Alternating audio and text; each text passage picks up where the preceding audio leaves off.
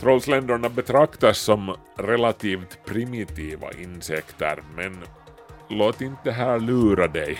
Också den vassaste kniven är ett rätt så primitivt redskap, men du vill ändå inte hamna i fel ände av den. 10, 9, 8, ignition sequence start. 5, 4, 3, 2, zero. Quantum leap. Saut. Salto quântico. Salto quântico. Salto quântico. Kvantismo. Salto quântico. Salto quântico. Salto quantico. Kvanthopp, det du inte visste att du ville veta. Vad vi människor än uppfinner har naturen sannolikt gjort samma sak för hundra miljoner år sedan eller mer och, och ännu bättre dessutom. Vilka framsteg vi än gör i, i aerodynamik, mekanik eller robotik till exempel har naturen nästan alltid någon ännu effektivare och elegantare lösning. Ett exempel på det här kan man beundra vid havsstranden under höstens soliga dagar. Trollsländorna som vi mer eller mindre har kopierat rakt av för våra helikoptrar. Och ändå kommer ingen Apache-helikopter ens nära Trollsländan i ren och skär dödlighet. Jag menar, Trollsländan är den mest fulländade jaktmaskinen på sin egen skala såklart som någonsin har existerat. Och den har kört med samma koncept, samma beväpning och samma flygteknik i 350 miljoner år sådär. Så vad kan man säga? If it ain't broke, don't fix it. Funkar det så behöver det inte fixas. I det här avsnittet av Kvanthopp blir det alltså allt det där du inte visste att du ville veta om Trollsländan, naturens perfekta lilla attackhelikopter. Hur är det förresten, stämmer det här att trollsländor bara lever en dag? Också det ska vi titta närmare på. Markus Rosenlund heter jag. Välkommen med i Kvanthopp.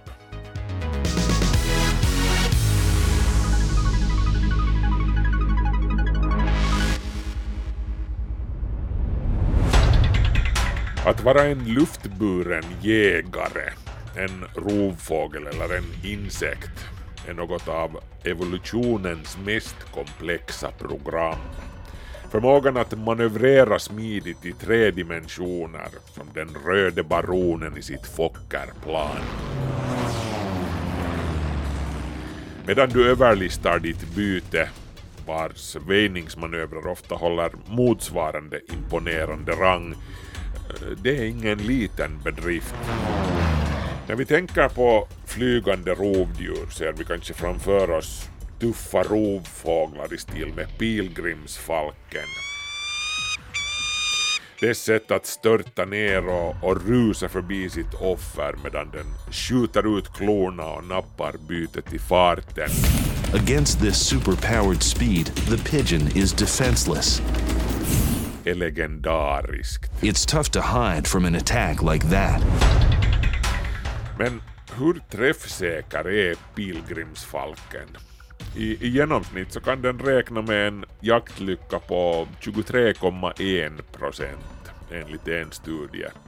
Andra rovfåglar som hökarna nappar i genomsnitt sitt byte från luften 22,5 gånger av 100. Nattens jägare som ugglorna, de sveper i sin tur ner ur mörkret och, och nitar fast sitt byte vid marken. Ugglans flygtekniska manövrar må vara mindre imponerande än pilgrimsfalkens, men ugglan är ändå en effektivare jägare. Den sätter dit 25 procent, en fjärdedel av sina bytesdjur. Av de landbaserade rovdjuren hör de afrikanska hyenorna till de effektivaste jägarna med framgång i upp till 67 procent av alla försök när de jobbar tillsammans som flock. Heja hunddjuren! Men också den här prestationen bleknar i jämförelse med den främsta och mest träffsäkra jägaren på jorden. Då snackar vi uttryckligen om en flygande jägare. Och för att hitta det här rovdjuret är du tvungen att rikta in dig på någonting mycket, mycket mindre än, säg nu, lejon och, och vargar och, och liknande. Jag snackar alltså om trollsländorna, naturens egna små attackhelikoptrar.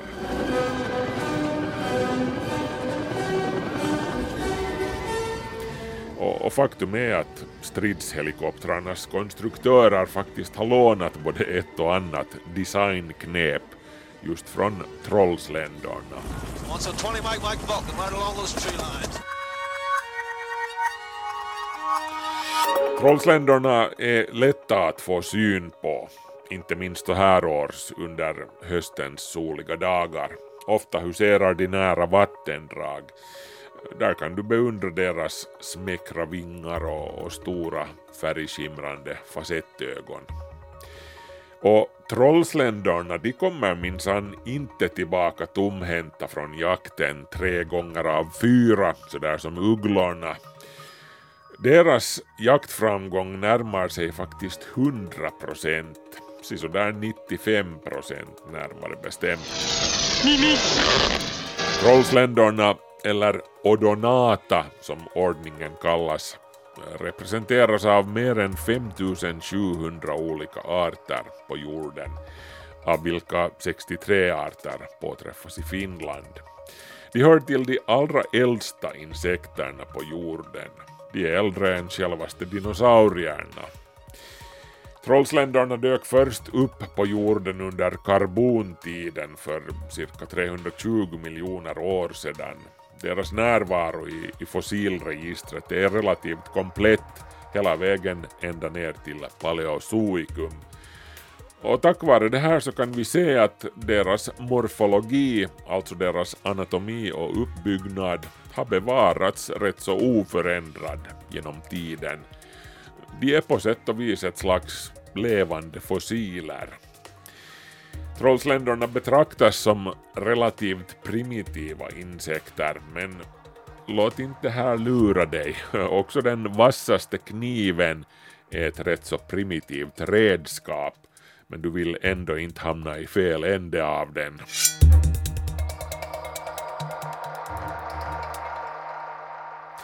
Det som trollsländorna var bra på redan under dinosauriernas tid, att fånga och äta andra insekter, är de fortfarande helt mördande effektiva på än idag.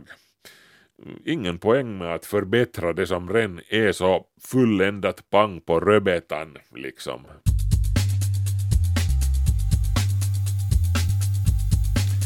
Om trollsländorna har bevarat sina hisnande effektiva flygmanövrar genom årmiljonerna har deras storlek förändrats desto mer dramatiskt. De urtida sländorna de var riktiga monster jämfört med de små saker som flyger omkring idag. Men vad är det då med trollsländans kroppsbyggnad som gör den till det effektivaste rovdjuret som existerar idag? Och om just det här upplägget ger sådana mördande effektiva resultat, varför blev trollsländorna så småningom så mycket mindre an eftersom tiden gick? Jag menar, vad sysslar revolutionen med? Varför har vi inte längre några enorma levande attackhelikoptrar som dominerar strändernas luftrum och nappar fiskmåsar i flykten? Vi återkommer till det här lite senare. Först lite grundläggande fakta om trollsländorna. Ordinata betyder alltså ditandade på grekiska. Namnet kommer från trollsländornas kraftiga bitande mundelar som sitter på undersidan av huvudet. På övre och främre sidan av huvudet sitter sen de, de kännspaka, stora och, och sinnrika facettögonen och ett par korta antenner. Kanske det mest utmärkande draget för Trollsländan är just de två paren med långa vingar. Vingar som sländorna, likt de flesta helikoptrar, men i motsats till andra insekter inte kan fälla in, utan de sticker hela tiden ut från sidorna. De här vingarna de är försedda med unika tekniska lösningar som, som bidrar till att göra Trollsländan till röde baronen i djurens rike, tuffast i luften. Vi, vi kommer till också det snart. Den enda skillnaden mellan utdöda och, nulevande nu levande trollsländor är egentligen storleken. Vissa paleozoiska arter för mer än 250 miljoner år sedan hade vingspann på mer än 70 centimeter. Eh, de största nu levande trollsländorna, Megaloprepus kerulatus, mäter däremot ynka 19 centimeter från vingspets till vingspets. Nå, okej, nu är det också ganska imponerande när man ser en sån.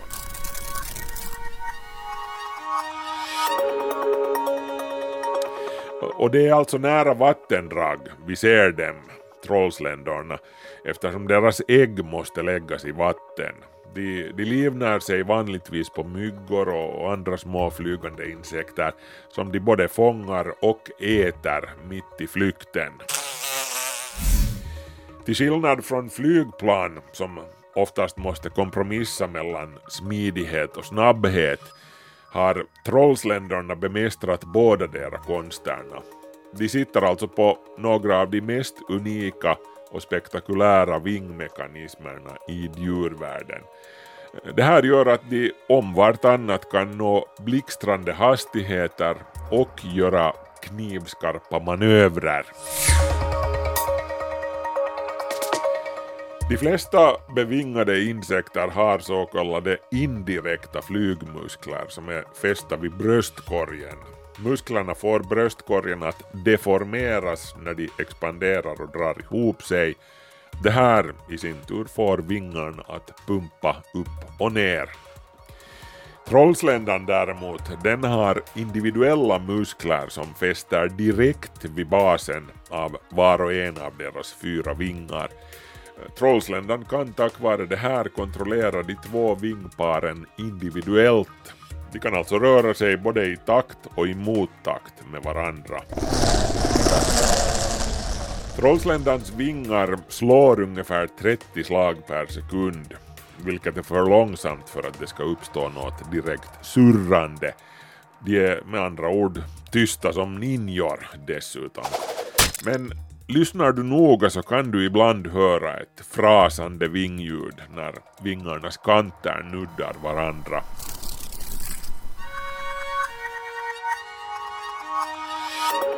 Och tack vare att trollsländorna har individuell kontroll över de två vingparen kan de alltså stå stilla i luften som kolibrin. De kan flyga snabbt framåt och de kan göra plötsliga störtdykningar eller ändra riktning tvärt. Eh, de kan flyga i sidled och, baklänges också, precis som en helikopter. Och i motsats till de flesta andra insekter behöver inte trollsländan alltid flaxa med vingarna ens, den kan glidflyga också, precis som ett flygplan. Manöverskickligheten är någonting som trollsländerna inte delar med alla andra underordningar av sländor. Flicksländor och, och jungfrusländor, de, de är inte riktigt lika duktiga flygare som egentliga trollsländor. De jagar helst långsammare byten eller tar byten som sitter stilla. Det här tack vare att trollsländorna har en bättre balanserad tyngdpunkt än jungfrusländor och flicksländor som är mera baktunga. Trollsländor är de facto inte de allra snabbaste av alla flygande insekter men de kan ändå uppnå hastigheter på bortåt 50 kilometer i timmen. Dessutom så är de otroligt uthålliga. Vid vackert väder kan de flyga flera timmar i sträck utan att landa och, och, vissa arter är kända för att kunna göra långa vandringsflygningar också.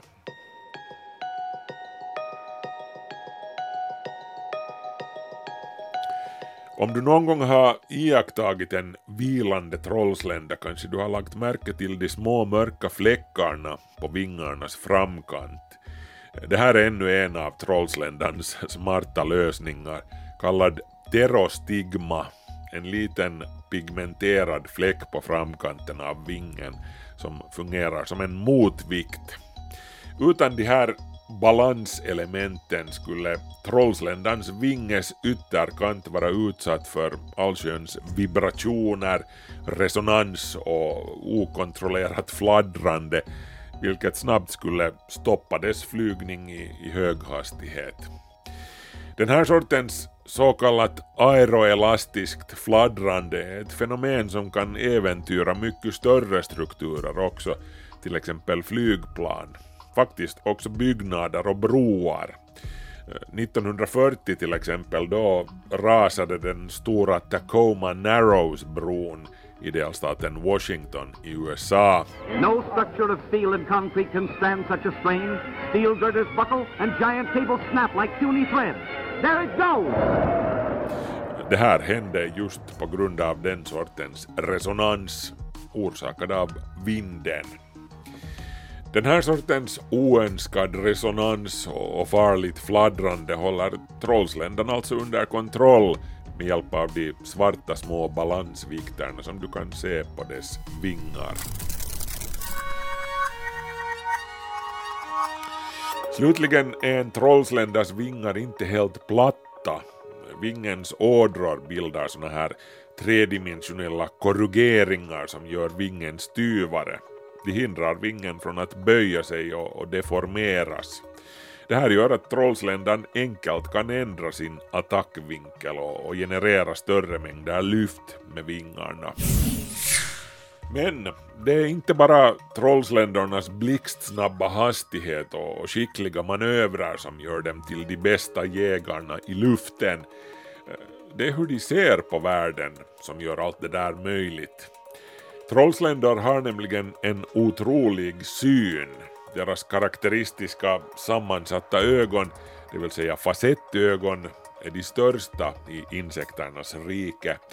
De består av mer än 30 000 individuella facetter, eller omatidia.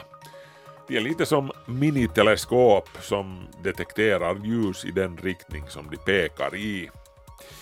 Och eftersom trollsländans ögon omsluter huvudet nästan helt och hållet är synfältet nästan 360 grader. Eh, perfekt för att hålla koll på potentiella byten i trollsländans omgivning utan att behöva omorientera sig på sin utkiksplats.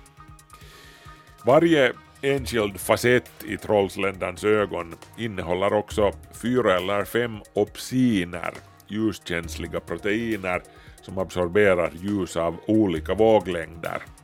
På så vis kan trollsländan uppfatta färger från orange till ultraviolett, vilket är användbart för jakt eller då hannen ska upptäcka parningsvilliga honor som meddelar om saken med visuella signaler.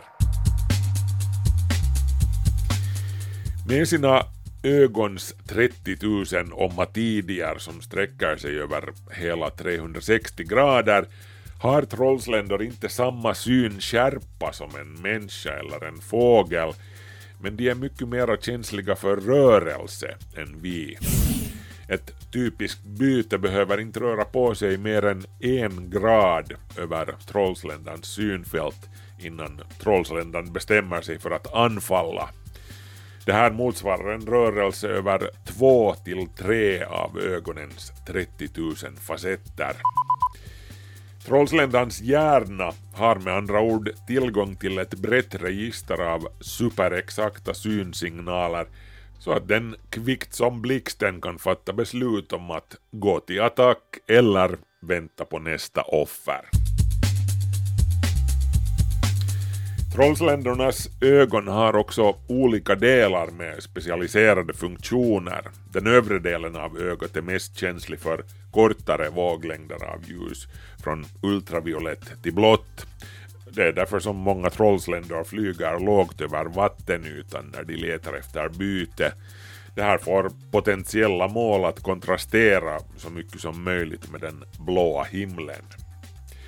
De mellersta och, nedre delarna av ögat är sen i sin tur känsliga för ett större våglängdsområde, därför att göra det lättare att identifiera andra trollsländor, antingen som potentiella kompisar eller som rivaler.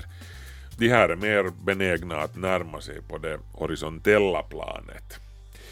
Och det här med hur ögonen funkar kan sen också hjälpa trollsländerna att identifiera byten som inte rör på sig, till exempel insekter som är fångade i spindelnät. Trollsländor norpar ibland sådana från intet ont anande spindlar om inga flygande läckerbitar finns tillgängliga. Trollsländans syn i kombination med dess blixtrande flygförmåga resulterar alltså tillsammans i ett formidabelt rovdjur. Men det är hur de här två sakerna är integrerade som lyfter Trollsländan till nästa nivå, dit ingen annan jägare har något ärende.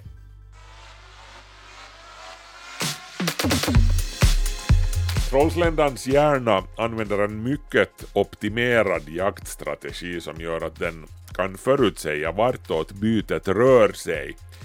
Därefter kan den manövrera snabbt som blixten för att korsa bytets bana och, och fånga upp den. När vi talar om rovdjur så finns det två olika sorters huvudstrategier som de tillämpar för att jaga sina byten. Spårning, det vill säga tracking på engelska, och uppsnappande, eller interception.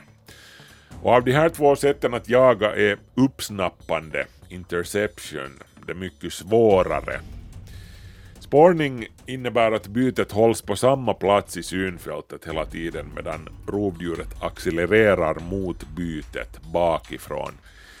Rovdjuret följer alltså efter och, och jagar ikapp bytet med andra ord. Den andra formen av jakt kallas alltså uppsnappning. Då rör sig rovdjuret direkt mot den position där det förutspår att bytet kommer att befinna sig. Det här är mycket svårare eftersom bytets och rovdjurets egna respektive positioner och hastigheter måste samköras. Deras bägge banor måste beräknas framåt i tiden för att en sån förutsägelse ska bli möjlig. Men om det lyckas, vilket det alltså gör för Trollsländan i 95% av fallen, är fördelarna ju uppenbara. Om rovdjuret kan beräkna bytets kommande position och ta sikte direkt på den, då är det mindre viktigt om bytet skulle råka flyga snabbare än Trollsländan själv, eftersom Trollsländan tar en genväg liksom. Att jaga ett byte och att accelerera så som man gör i spårning, det, det kräver också en massa energi. Uppsnappning gör att Trollsländan kan hushålla med sin energianvändning. Hos människor är uppsnappning ett inlärt beteende. Fotbollsspelare och artillerister till exempel, de, de lär sig passa eller skjuta dit som målet kommer att befinna sig. Inte dit som det, det är just i stunden. Men för Trollsländans del antas det att beteendet i fråga är färdigt inom citat programmerat i dess hjärna som alltså länkar samman det visuella systemet och det, det motoriska systemet. Och så gäller det att hålla nacken flexibel också, det, det är en del av det här.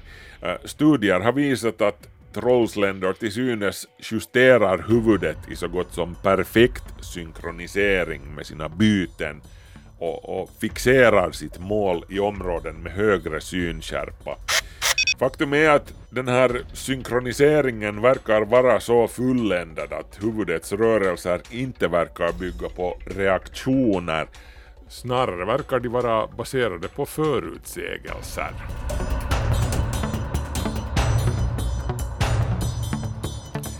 All den här integreringen av sinne och kropp har alltså gett Trollsländan de bästa jaktresultat som forskare någonsin har noterat för något rovdjur. 2012 fann forskare vid Harvard-universitetet att trollsländor fångade cirka 95% av de byten som de jagade. Och det här är ju imponerande för vilket rovdjur som helst.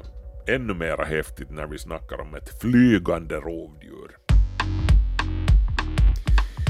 Men om nu trollsländerna alltså är de bästa och mest dödliga jägarna i skyn, varför fick evolutionen dem att koncentrera sig på små byten som myggor och, och bananflugor och liknande?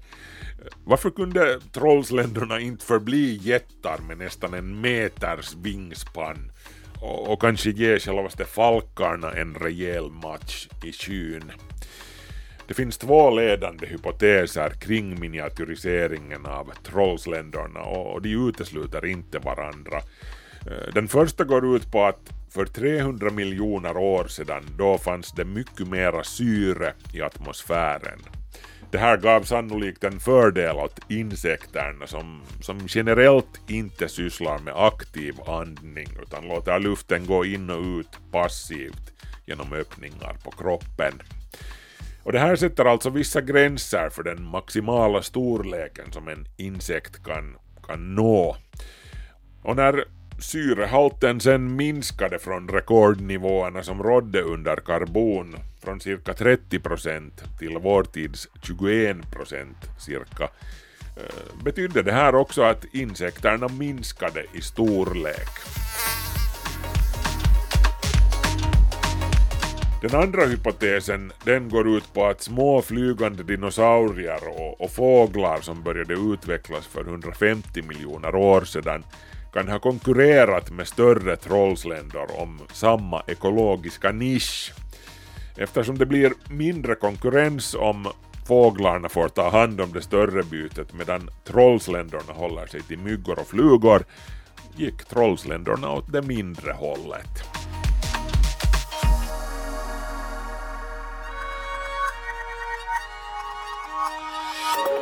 Nå, hur som helst så finns det få insekter som, som är mer framgångsrika än trollsländan, som alltså har förblivit relativt oförändrad i, i hundratals miljoner år. Med sin mördande effektiva svit av egenskaper som hjälper till att upprätthålla statusen som det skickligaste av alla rovdjur är det inte konstigt att ingenjörer och forskare älskar att studera och efterapa Trollsländan. Trollsländarna har varit inspirationskällan för många så kallade biomimikprojekt. Biomimiken, alltså det här att kopiera från naturen, eh, strävar efter att replikera hur trollsländarna spårar sina byten och hur de utför sin luftakrobatik. Även om det hittills inte existerar några autonoma drönare som kan jämföra sig med trollsländor i, i flygskicklighet finns det flera prototyper på gång, så det är väl bara en fråga om tid antar jag.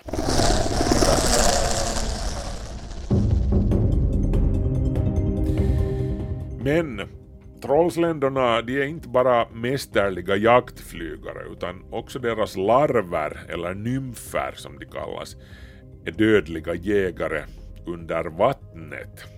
Trollsländan har alltså en livscykel med ofullständig metamorfos som det kallas. Honorna lägger ägg som kläcks till nymfer vilka sen utvecklas till imago, det vill säga fulländad, utan något mellanliggande puppstadium. Med sina science fiction-aktiga utfällbara käkar som kan skjuta ut till halva kroppens längd Eh, är nymfernas värld ännu mera främmande och, och bisarr än de fullvuxna trollsländornas och, och nymfernas jaktstrategi är ännu mera skrämmande. Men det är nästan ett tema för ett helt eget avsnitt.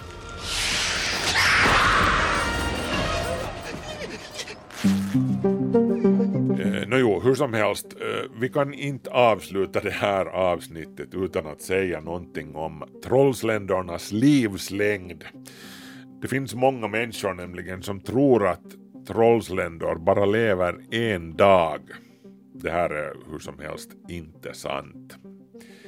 Som kortast är livslängden för en trollslända från ägg till den vuxna insektens död cirka sex månader. Som längst, tja, trollsländor kan leva som nymfer i, i vattnet i upp till fyra år, ömsa sitt skinn mellan 8 och 17 gånger beroende på art. Och sen slutligen när de mognar till vuxna lever de på sin höjd i några månader. Eller i extrema fall några dagar. De, de flesta trollsländor dör hur som helst inte av ålderdom utan de blir byte för andra rovdjur.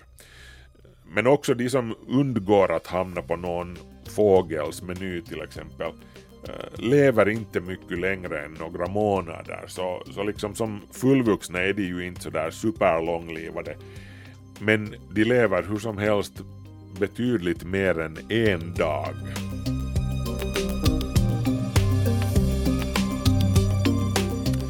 I alla fall, nästa gång du sitter där i, i höstsolens sken på bryggan, försök få dig en närmare titt på de här små men mäktiga rovdjuren vars jättelika förfäder en gång dominerade jordens luftrum. Och var glad att du inte är en liten fluga.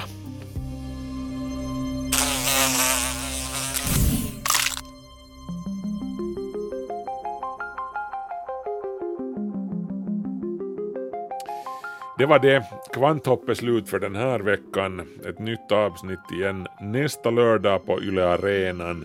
Ladda ner och, och lyssna när du vill, var du vill. Kvanthoppsnabelayle.fi är vår e-postadress och vi finns också på Facebook. Markus Rosenlund så heter jag. Ha det bra, vi hörs.